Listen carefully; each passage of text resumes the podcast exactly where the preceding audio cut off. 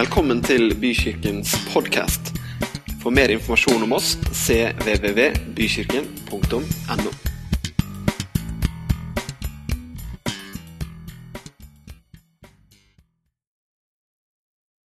Dere, i dag er flagget heist.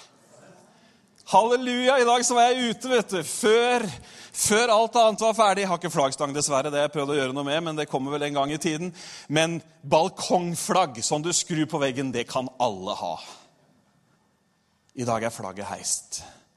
Og det er fantastisk. Til og med i Norges land, hvor man forsøker å fjerne et og annet kristen symbol fra de fleste ting, så står det fortsatt at første påskedag er en offentlig flaggdag. Og hvis det er en dag det er verdt å flagge, så er det virkelig den dagen. Nå er jo ikke vi sånn at vi eh, bare feirer påske i påsken. Vi lever i påsken hele tiden. Men dere, dette er i sannhet den gladeste dagen. For det vi feirer i dag Vi markerer det ikke bare, men vi feirer det. Det er en hendelse som for en gang har forvandlet betingelsene for det menneskelige liv. Halleluja. En gang for alle. Derfor så synger vi. Vi har ikke sunget i dag, jeg vet ikke om det kommer etterpå heller, men jeg har sunget, og jeg tror Gunnar har spilt på trompet i dag. Vi var ikke i samme rom. Men påskemorgen slukker sorgen. Slukker sorgen til evig tid. Ja, takk for uh... Tusen takk. Tusen takk. Men jeg kan ta andre vers òg. Redningsmannen er oppstanden. Er oppstanden til evig tid. Du skjønner at Det som er viktig med påsken, det skal vi snakke litt om i dag. Vi skal snakke litt om omstandelsen. Men det som er så viktig med hele konseptet tro, med hele konseptet Gud, vet du hva det er? Det er ikke at vi skulle kunne noen ord. Det er ikke at vi skulle kunne historien om tradisjonene. Nei, Guds måte, Guds kjærlighet, kommer til uttrykk ved at Gud, han blir menneske. Gud sendte Jesus. Hvorfor? Jo, for at menneskeheten skulle få se hvordan han var. Ikke bare se det, men for at de skulle få oppleve hvordan han var. Og Derfor er påsken også like viktig, fordi at Gud lot ikke Kristus korsfeste for at kunstnerne skulle ha et motiv til sine glassmalerier. Omstand, omstand, hør her, Oppstandelsen skjedde ikke bare fordi at vi skulle ha et crescendo i vår kristen tro å se tilbake på. Det var for at det skulle bli oss til del. Det var for at det skulle gjøre noe med vårt liv. Du vet, En fars kjærlighet har ingen verdi hvis denne fars kjærlighet bare er ord som står på et papir. Prøv å oppdra ungene dine via printeren. Jeg elsker deg, du betyr mye for meg. Jeg vil hjelpe deg. Jeg hjelper deg en gang til. Har du fått hjelpen min? Er du med på tanken? Hva står det? Ordet. Ordet ble menneske. Ja, Men er ikke jul nå, Bent Ove? Jeg sier ordet ble menneske. Gud ble menneske for å møte menneskene. Gud ble menneske for å identifisere seg med menneskene. Er ikke det fantastisk? Og det gjelder ikke bare at han, at han, kom hit og ble født i en stall og levde noen år. Nei, det gjelder også korsfestelsen. Det gjelder også oppstandelsen. Det gjelder livet etter oppstandelsen. I dag har jeg så mye notater at egentlig så hadde jeg tenkt å annonsere en sånn bibeluke. For når du, når, når du, Det er merkelig, men når du rører ved kjernen, så ser du at kjernen er ganske kraftig. Kjernen er ganske stor. Men påskens budskap, Jesus Kristus korsfestet, død og begravet og oppstått på den tredje dag Det er viktig, det. Du kan skrelle bort mye av det vi kristne og på hele verdens basis driver med. Det er mye fint som foregår. Men har du fått med deg dette, da har du fått med deg kjernen. Hvis du får med deg det andre, men ikke dette, da har du gått glipp av noe. For en del år siden så var jeg på Gibraltar. Prekte på en et torgmøte. Noen som har vært på Gibraltar? Kjempefint sted. ja. Midt på hovedtorget der hadde vi et møte. En konsert der jeg prekte evangeliet. Og så deler jeg dette budskapet om Kristus som døde. Og så inviterer jeg mennesker til å ta imot ham. Så kommer det to godt voksne damer som ikke, liksom, de trenger seg litt fram og kommer helt fram og vil snakke med meg. Kommer nærmere, så ser jeg at tårene renner fra øynene på dem begge to. Litt sånn fornemme damer. Du vet sånne flotte damer på sånn 70. De er, da er damene på det flotteste omtrent. Rundt 70. Og så står hun der. Og etter klær og holdning og alt å bedømme, så var ikke dette kanskje hennes kommunikasjonsmåte. Men hun står der, og tårene renner. Og så sier hun, 'Jeg har vært katolikk i snart 70 år.' Men i kveld så skjønte jeg hva det dreide seg om. Dette var ikke kritikk mot katolikkene. Dette var kritikk når budskapet blir ord som ikke blir noe mer enn ord. Og så tok hun, tok hun imot Jesus der og da, inviterte han inn i seg, og så fikk hun et helt nytt liv. Det er fantastisk. Ja vel. La oss lese fra Markus kapittel 16. Teksten for oppstandelsesdagen. Du finner den i flere evangelier, men vi leser fra Markus i år. Da sabbaten var over, kjøpte Maria Magdalena og Maria, Jakobs mor, og Salome velluktende oljer for å gå og salve ham. Tidlig om morgenen den første dagen i uken kom de til graven da solen gikk opp. De sa til hverandre, 'Hvem skal vi få til å rulle bort steinen fra inngangen til graven?' Men da de så opp, fikk de se at steinen var rullet fra. Den var meget stor. Da de kom inn i graven, så de en ung mann sitte på høyre side, kledd i en hvit, lang kjortel. Og de ble forferdet. Men han sa til dem, Vær ikke forferdet. Dere leter etter Jesus fra Nasaret, den korsfestede. Han er stått opp. Han er ikke her. Se, der er stedet hvor de la han. Men gå og si til disiplene hans og til Peter han går i forveien for dere til Galilea. Der skal dere få se han slik som han sa dere. Da gikk de ut og flyktet bort fra graven, skjelvende og ute av seg. De sa ikke et ord til noen, for de var redde. Etter at Jesus var stått opp igjen tidlig den første dagen i uken, viste han seg først for Maria Magdalena, som, hadde, som han hadde drevet sju onde ånder ut av.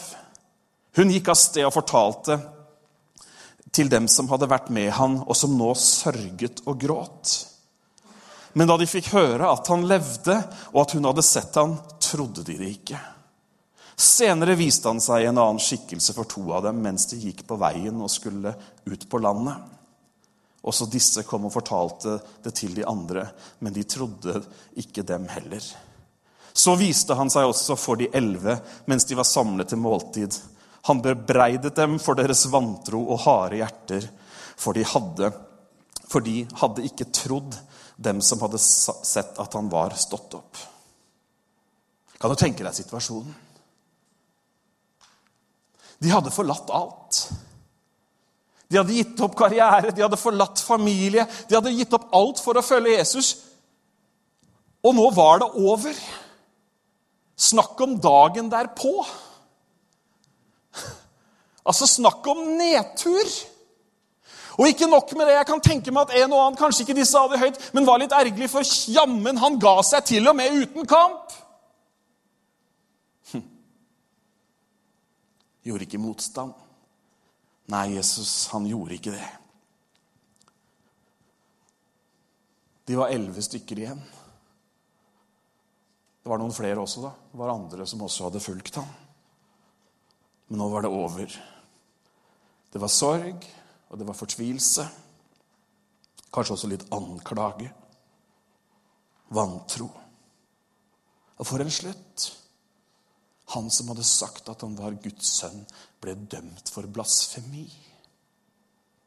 Guds bespottelse. Og som om ikke det var nok, så led han den verst tenkelige død.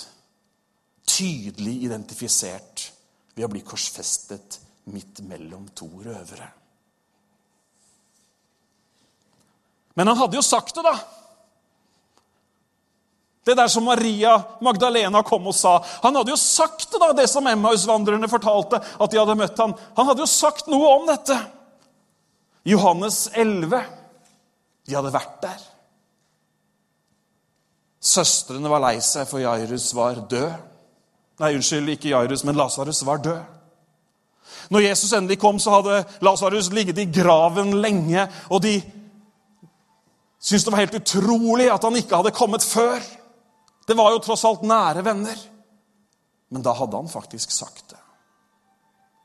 Hva var det han hadde sagt igjen? Jo, han hadde sagt, 'Jeg er oppstandelsen og livet'. Den som tror på meg, skal leve om han enn dør. Og hver den som tro, lever og tror på meg, skal aldri i evighet dø.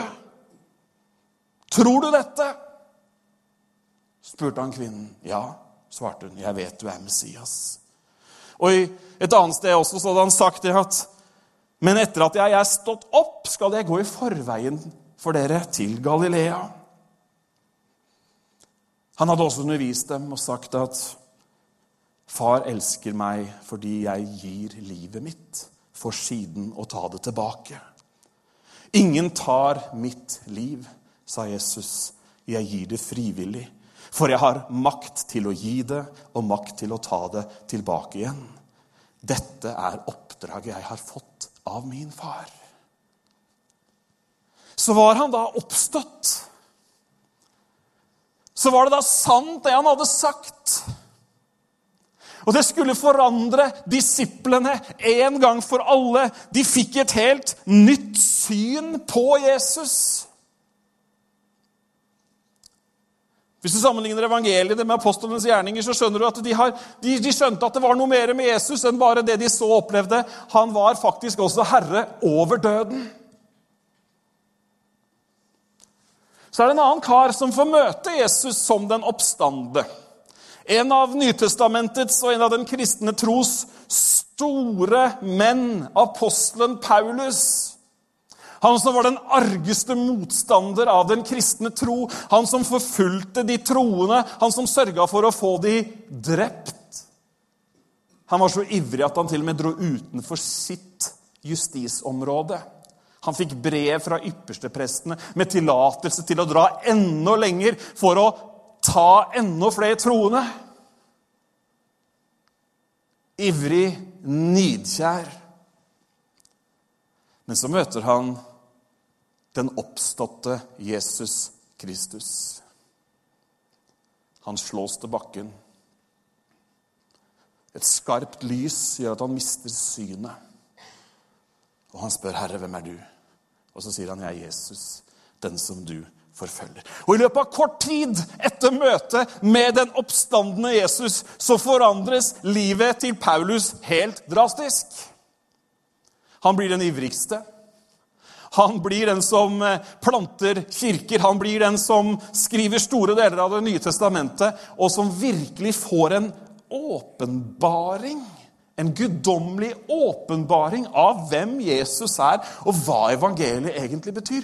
Og, jo, og Paulus han skriver om oppstandelsen. For du skjønner at Oppstandelsen den er et tema i dag i 2017. Hver gang vi nærmer oss påske, så er det ulike artikler som forsøker, i ulik presse som forsøker å belyse oppstandelsens mysterium fra ulike hold. Og det er teorier, også innen, innen kristenheten, så er det teorier på at kanskje Jesus bare var nedkjølt, kanskje det bare var luftspeilinger. Og det er ikke måte på konspirasjoner og spekulasjoner i om han egentlig har oppstått. Men du skjønner at det er egentlig ikke noe nytt. Men det er bare det at bevisene for Jesu oppstandelse er så omfattende. Jeg skal ikke gå inn på dem i dag, det ville blitt sånn bibeltimeaktig. det har vi ikke tid til akkurat i dag. Men du vet at han ble sett av så mange gjentatte ganger og på forskjellige steder at hadde dette liksom vært en rettssak hvor det skulle være vitner, så hadde det vært en lett jobb for juryen. Ok? Så det er ikke der vi er når Paulus tar for seg, tar for seg oppstandelsen i første Korinterbrev. For han vier nemlig veldig mye plass i første Korinterbrev til å snakke om oppstandelsen. Skal vi lese litt? Vil du høre? Første Korinterbrev 15. Det blir, det, blir, eh, det blir, noen skriftsteder, men det er jo herlig, da. Snart skal vi ha nattverd. Det er også skriftsteder. I første Korinterbrev 15 så underviser Paulus om oppstandelsen. Så sier han, 'Jeg kunngjør for dere, søsken, det evangelium jeg forkynte dere, det dere også tok imot, det dere også står på, gjennom det blir dere også frelst, når dere holder fast på ordet slik jeg forkynte. Ellers blir det forgjeves at dere kom til tro. Hm, skal ikke gå langt inn i dette verset, men det er litt interessant. Du vet, Inngangen er jo til troen er at vi tar imot evangeliet. Men etter at vi har tatt imot evangeliet, så må vi holde fast i det. Så må vi fortsette å gå på veien. Men det tar vi en annen gang. Først og fremst overga jeg til dere det jeg selv har tatt imot, at Kristus døde for våre synder etter Skriftene, at han ble begravet, at han sto opp igjen den tredje dagen etter Skriftene, og at han viste seg for Kefas og deretter for de tolv. Deretter hør på beviset her, deretter viste han seg for mer enn 500 søsken på én gang. Av dem lever de fleste ennå, men noen er sovnet inn. Deretter viste han seg for Jakob, deretter for alle apostlene. Aller sist, sier Paulus, så viste han seg for meg. Jeg som bare er et ufullbåret foster, for jeg er den minste av apostlene, og jeg er ikke verdig til å kalles apostel, for jeg har forfulgt Guds kirke. Men ved Guds nåde er jeg det jeg er, og Hans nåde mot meg har ikke vært bortkastet. For jeg har arbeidet mer enn noen av dem, det vil si ikke jeg, men Guds nåde som er med meg. Men enten det er jeg eller de andre, dette forkynner vi, og dette har dere tatt imot i tro. Men når det blir forkynt at Kristus er stått opp fra de døde, hvordan kan noen blant dere da si at ikke det finnes noen oppstandelse fra de døde? Hm. Det var noen som sa ok, det, finnes ikke noen oppstandelse. vet du. Hvis de, for hvis de døde ikke står opp, er heller ikke Kristus stått opp. Men er ikke Kristus stått opp, da er vårt budskap tomt. Og deres tro er også tom.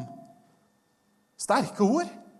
Og så sier han da om seg sjøl og sine likemenn da står vi som falske vitner om Gud. For da har vi vitnet imot Gud når vi sier at han har oppreist Kristus, noe han ikke har gjort, hvis døde ikke står opp.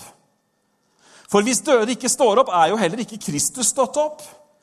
Men hvis Kristus ikke er stått opp, da er deres tro uten mening, og dere er fremdeles i deres synder. Da er de også fortapt, som har sovnet inn i Kristus. For hvis vårt håp til Kristus gjelder bare for dette livet, da er vi de ynkeligste av alle mennesker. Men nå er jo Kristus stått opp fra de døde. Som førstegrøden av dem som er sovnet inn. Fordi døden kom ved ett menneske, er også de dødes oppstandelse kommet ved ett menneske. For slik vi alle dør pga. Adam, skal vi alle få liv ved Kristus. Mest sannsynlig så var det ikke hvorvidt Jesus fysisk hadde stått opp igjen som var tema for det Paulus skriver. Mest sannsynlig så diskuterte de, så anklaga de og sa at ja, men dette har jo ingen effekt på oss.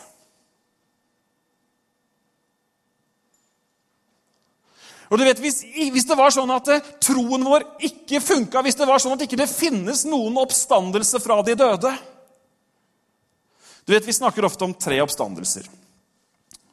Er du med? Vi snakker om Jesu Kristi oppstandelse. Den fysiske og selvfølgelig åndelig, men den, den, som skjedde, det som vi feirer i dag. ok?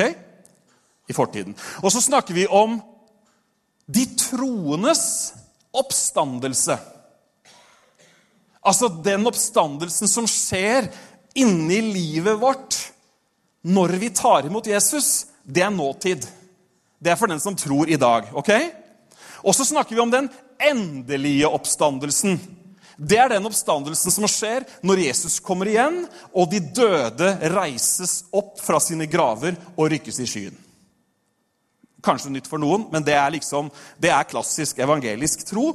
Jesus døde i fortid. Han døde fysisk, og det har en åndelig effekt for oss i dag. Og Det hele anliggendet mitt med å gidde å si noe i det hele tatt her i dag, det er at oppstandelsen den har noe å si for deg og meg her og nå. Men det var det de sa. Nei da, det har ikke noe å si. skjønner du? Det, ikke, det er ikke sånn at Jesus sto opp. Bibelen sier veldig klart at han sto opp igjen som den første av flere som skal stå opp. Dere kjenner skrifter som han er den fremste i alle ting. ikke sant? Han er den fremste blant brødre osv. Jo, for det at på samme måte som Jesus døde så fysisk så døde også vi med han. Jeg er korsfestet med Kristus, ikke sant? Dere er med på tanken? Og den er vi veldig med på veldig mange ganger. Og veldig langt så er vi ofte som troende. Jo, han døde for våre synder. Han tok min skyld på seg. Fantastisk budskap. Det er verdens beste budskap. Det er bare til å bli glad bare det. Men det finnes en del to. Det er veldig tydelig når vi døper. Da symboliserer vi hvordan vi er begravd med Kristus. Dåpen symboliserer en indre åndelig sannhet. Det er ikke der i vannet at syndene forsvinner fysisk den datoen. Men du bekjenner din tro på det Jesus gjorde, og dermed så vises det i dåpen. Men hva som skjer i dåpen? Vi døper jo ikke folk bare ned.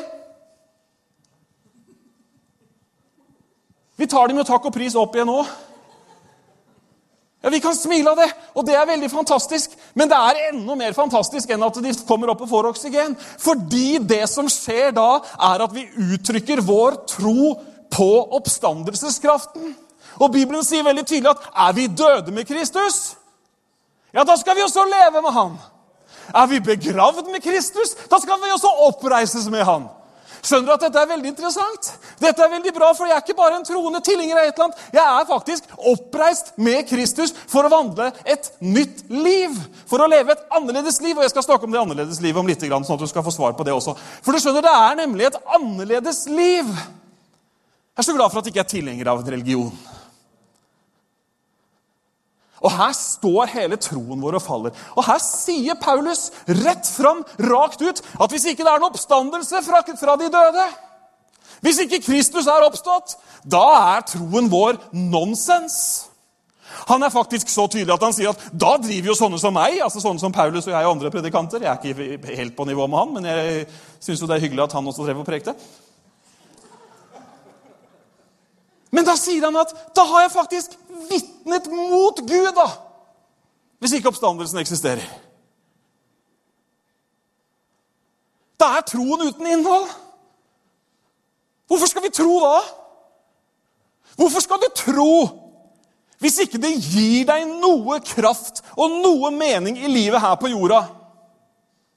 Hvorfor skal du tro hvis ikke det er det som gir deg det evige håpet i evigheten? Hva er poenget da?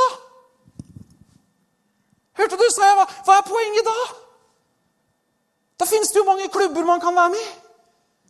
Du kan jo lage makramé til du blir grønn. Altså, Det er mye å bruke tida Men seriøst, det er jo mye å bruke tida på.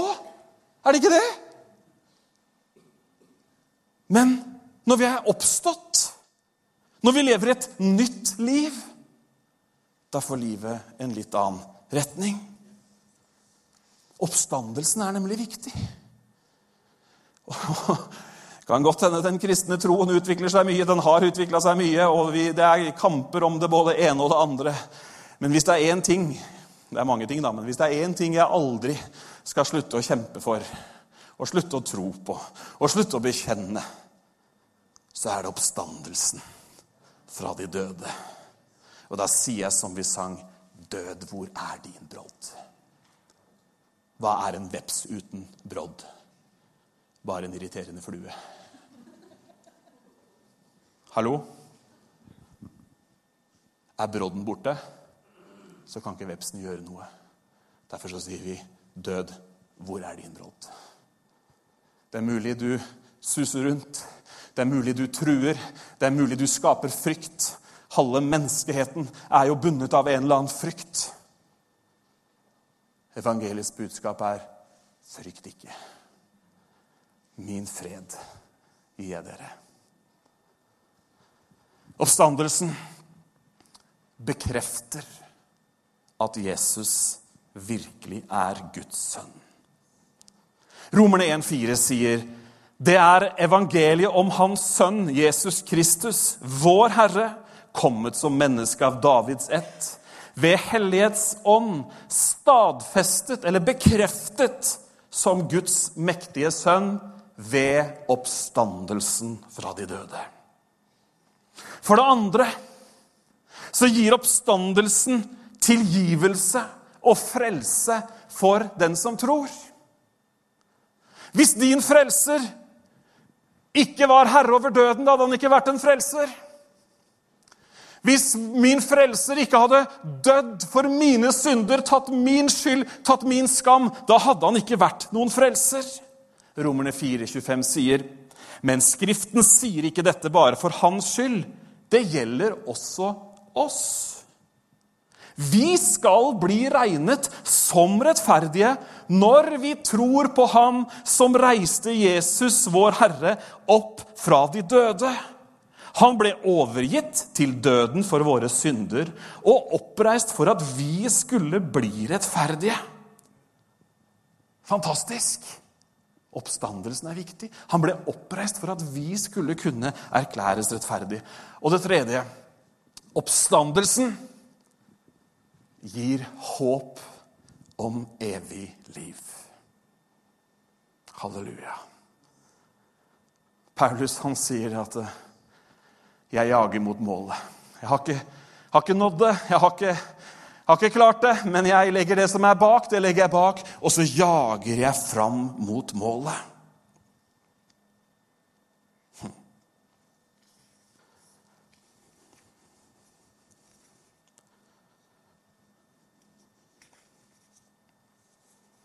Vi skal lese et vers i Kolossebrevet 3.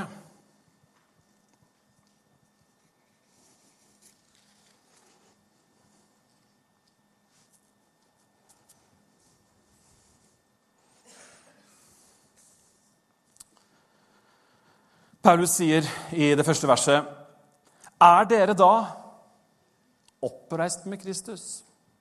Hm. Altså Han konkluderer altså Når dere da er oppreist med Kristus, så søk det som er der oppe. Der hvor Kristus sitter ved Guds høyre hånd. La sinnet være rettet, være vendt mot det som er der oppe ikke mot det som er på jorden. Dere er jo døde, og deres liv er skjult med Kristus i Gud. Men når Kristus, deres liv, åpenbarer seg, da skal også dere bli åpenbart i herlighet sammen med Han. Hm, er dere oppreist med Kristus? Hm, så søk da det der oppe. Det er som man refererer til en eller annen tilstand. Hvis det nå er sånn at det er sånn, da er dette retningen. Henger du med? Hvis det nå er sånn at dere er oppreist med Kristus, så finnes det et fokus. Så finnes det en hensikt, osv., osv. Jeg skal lese noen bibelvers. Prøv å henge med. Efeserne 2, vers 1. Paulus underviser menigheten, han sier dere var en gang døde på grunn av misgjerningene og syndene deres. Dere levde i dem i den på den nåværende verdens vis og lot dere lede av herskeren i himmelrommet, den ånd som nå er virksom i de ulydige.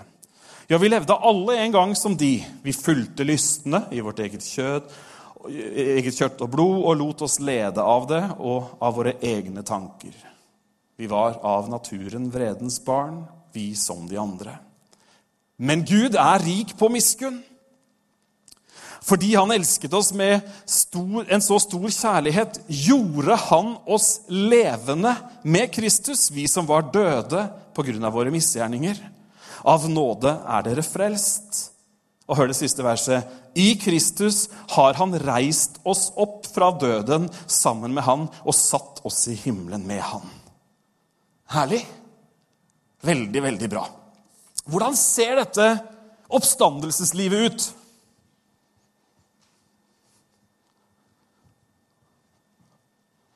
Noen som har lyst til at jeg skal svare på det? Ja. Takk, Kristoffer. Det var akkurat da du skulle si ja. Helt etter avtalen. Men dere, vi snakker jo, vi snakker jo altså, Vi snakker jo om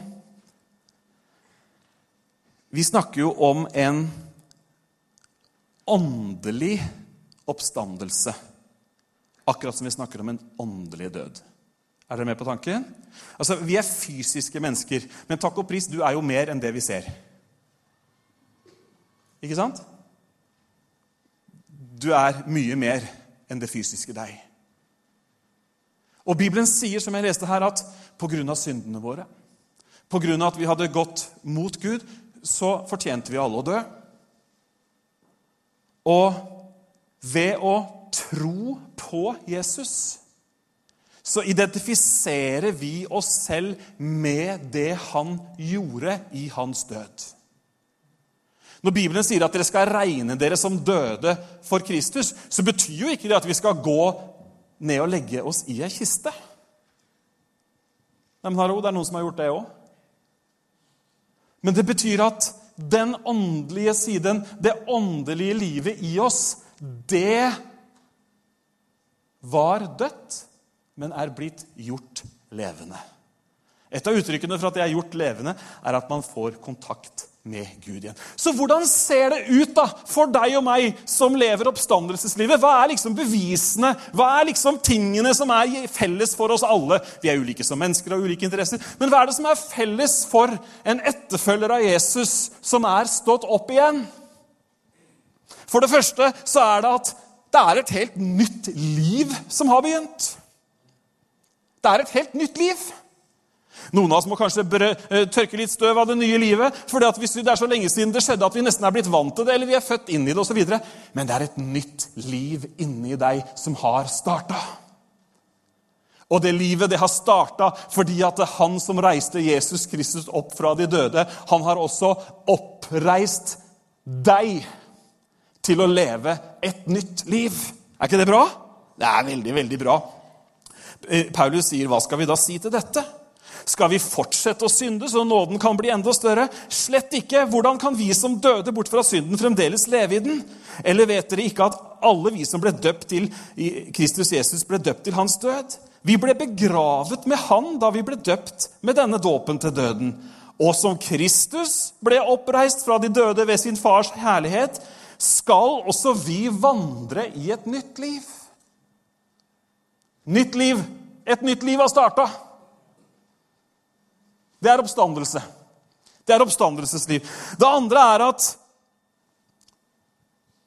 du får en Vi har en, må jeg nesten heller si. Spørs liksom hvilken kategori jeg skal plassere deg og oss i. Det, det, det, første er at vi har fått et nytt liv. Det andre er at vi har en ny holdning til livet. Vi ser på livet annerledes.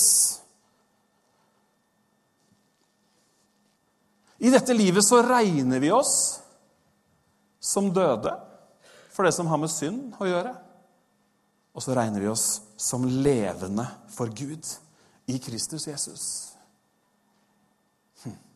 Vi identifiserer oss altså Holdningen vår til livet er med Kristus som forbilde istedenfor som verden.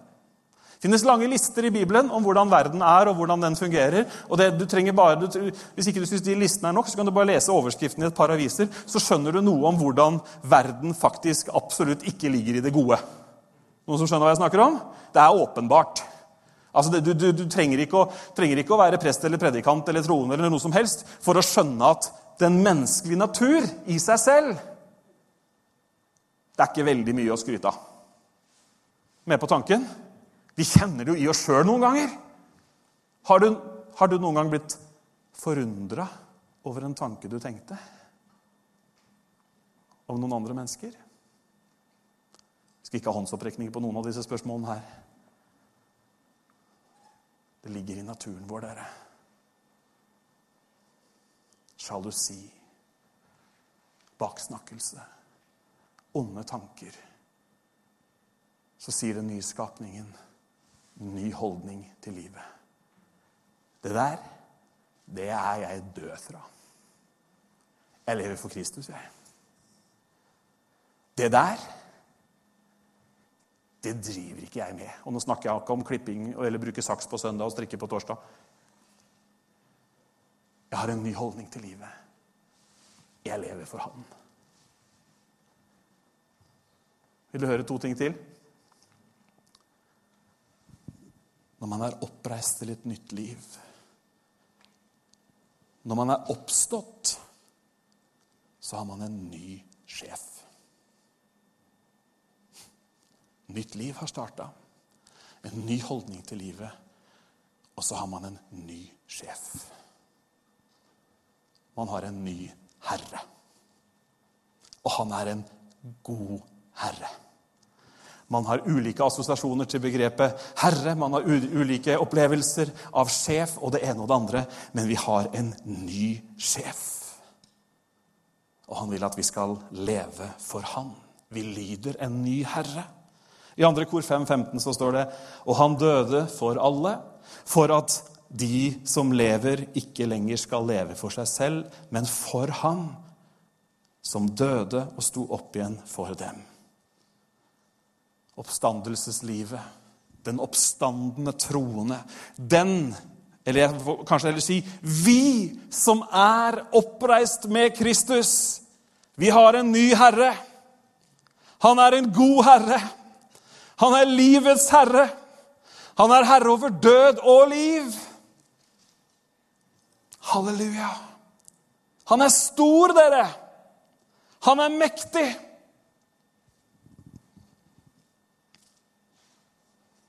Det siste et nytt liv, en ny holdning til livet, ny sjef,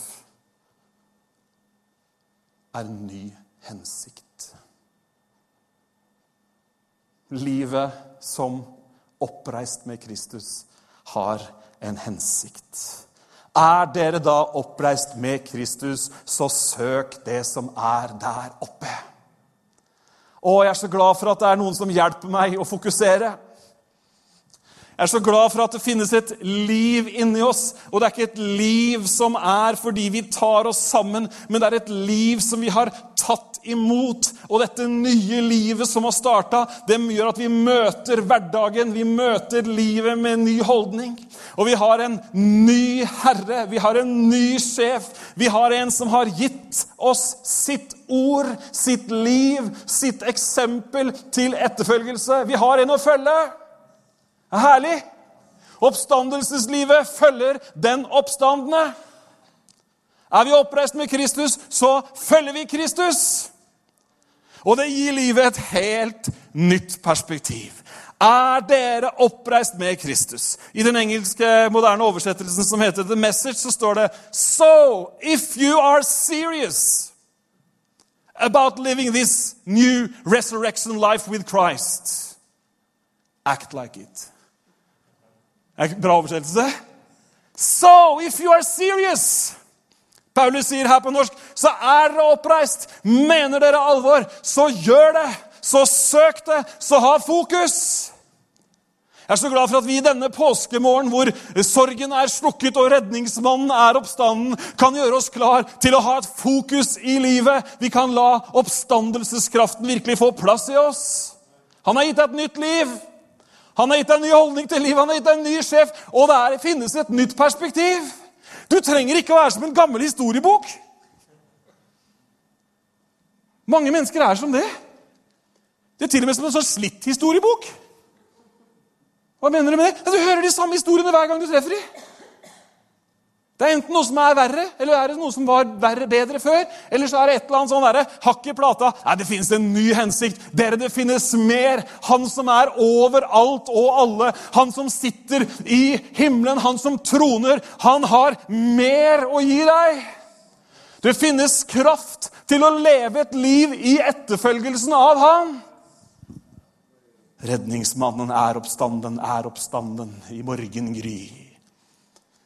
Helvete gleder, himmelen gleder. Hæ? Det er påske. Det er påske, dere. Sorry, altså. I dag var han litt ivrig, men det er påske.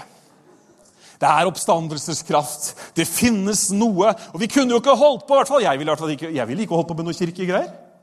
Hvis ikke det var noe kraft i dette her. Nei, men altså Alvorlig talt.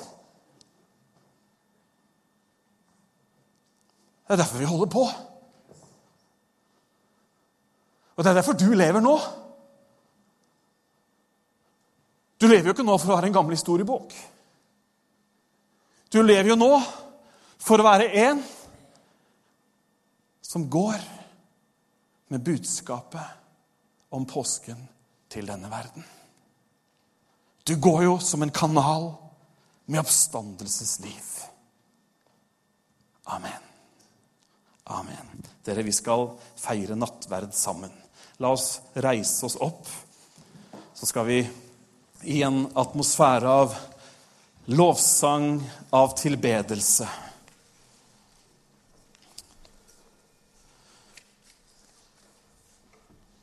Så skal vi ta med oss Guds ord til oss i dag. Videre. Ikke bare hjemme i dag, men videre i livet. Han er oppstått. Hm. Han har åpna veien. Til og med for deg. Hm. Ja, men det er så tungt, og det er så mørkt, og det er så vanskelig, og det er så mange ting som har skjedd. Derfor er det så bra at oppstandelseskraften er her i dag. Derfor er det så bra at vi ikke feirer en historisk begivenhet, men vi feirer livets herre. Vi feirer Jesus Kristus. Vi takker deg, Herre.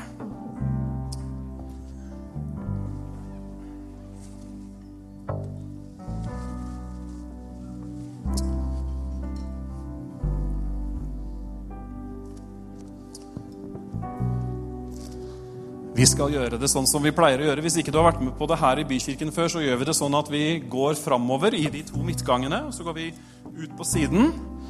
Eh, vi tar med oss brød og vin, og så holder vi de hendene våre til vi tar det sammen. Finnes også for de som eh, skulle trenge alternativ uten gluten, så finnes det på, den, på det minste fatet. Vi skal lese innstiftelsesordene slik som Paulus skrev dem når han skrev til menigheten i Korint. Det er fra 1. Korinterbrev 11. For jeg har mottatt fra Herren det som jeg også har overgitt til dere, at Herren Jesus i den natt han ble forrådt, tok et brød, og da han hadde takket, brøt han det og sa, Ta, et, dette er min kropp som er brutt for dere.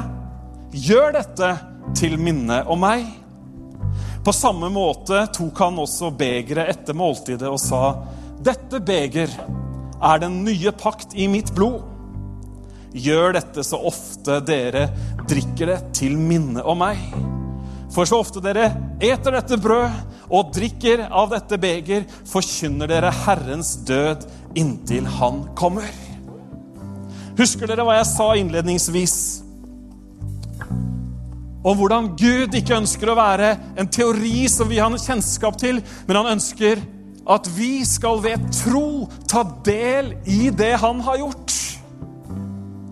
Nattverden er et eksempel på dette. Hvordan vi ved en symbolsk handling viser vår tro til Herren.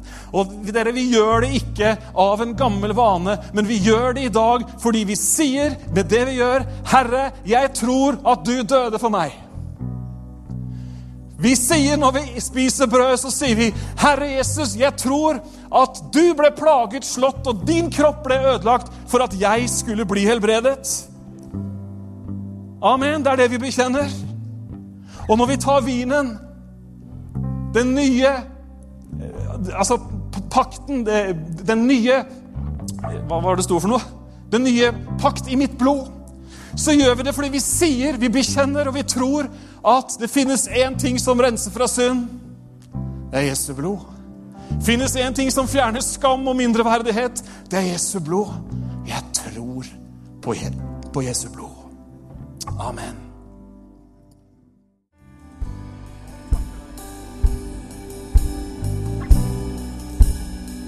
Takker deg, Jesus. Nå skal vi ta brødet sammen.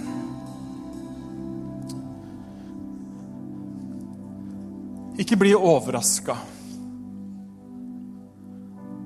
over om Eller over at oppstandelseskraften kommer til å røre ved din kropp.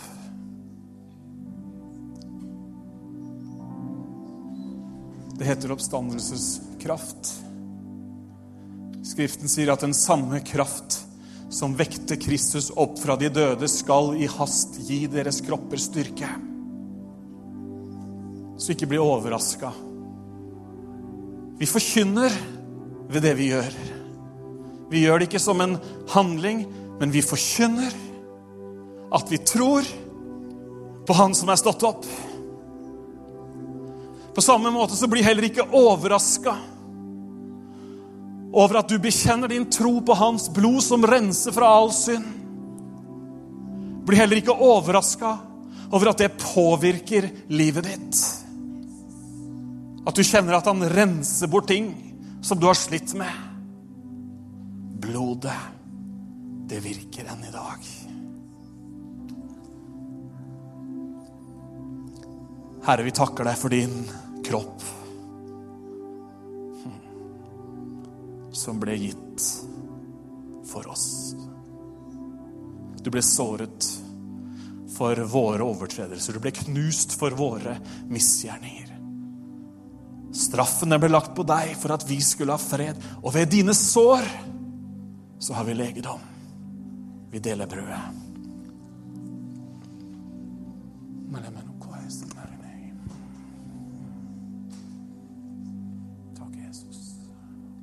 takke Jesus der hvor du står.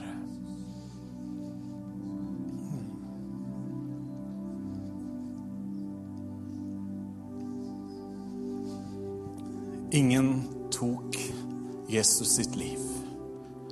Som vi leste, så sa Jesus, 'Ingen kan ta mitt liv'. Men jeg gir mitt liv for å ta det tilbake. For jeg har makt til å gi det, og jeg har makt til å ta det tilbake. Dette er det oppdraget Faderen har sendt meg til.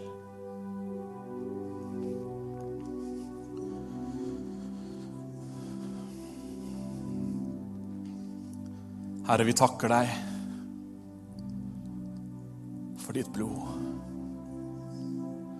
En uskyldig som led for de skyldige.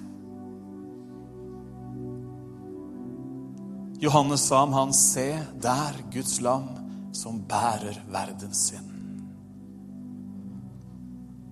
Herre, vi vet at du betalte den høyeste prisen. Og derfor så har du også fullkomment makt til å frelse alle de som kommer til deg. Han har makten til det, for han har betalt for det. Vi deler kalken.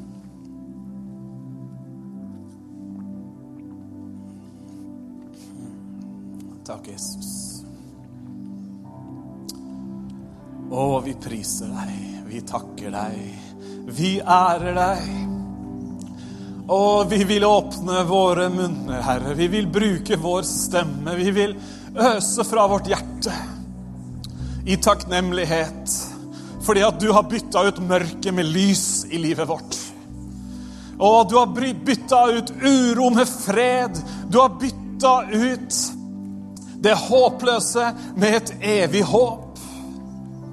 Og du har gitt oss et nytt liv, et oppstandelsesliv. La oss prise Herren. Amen.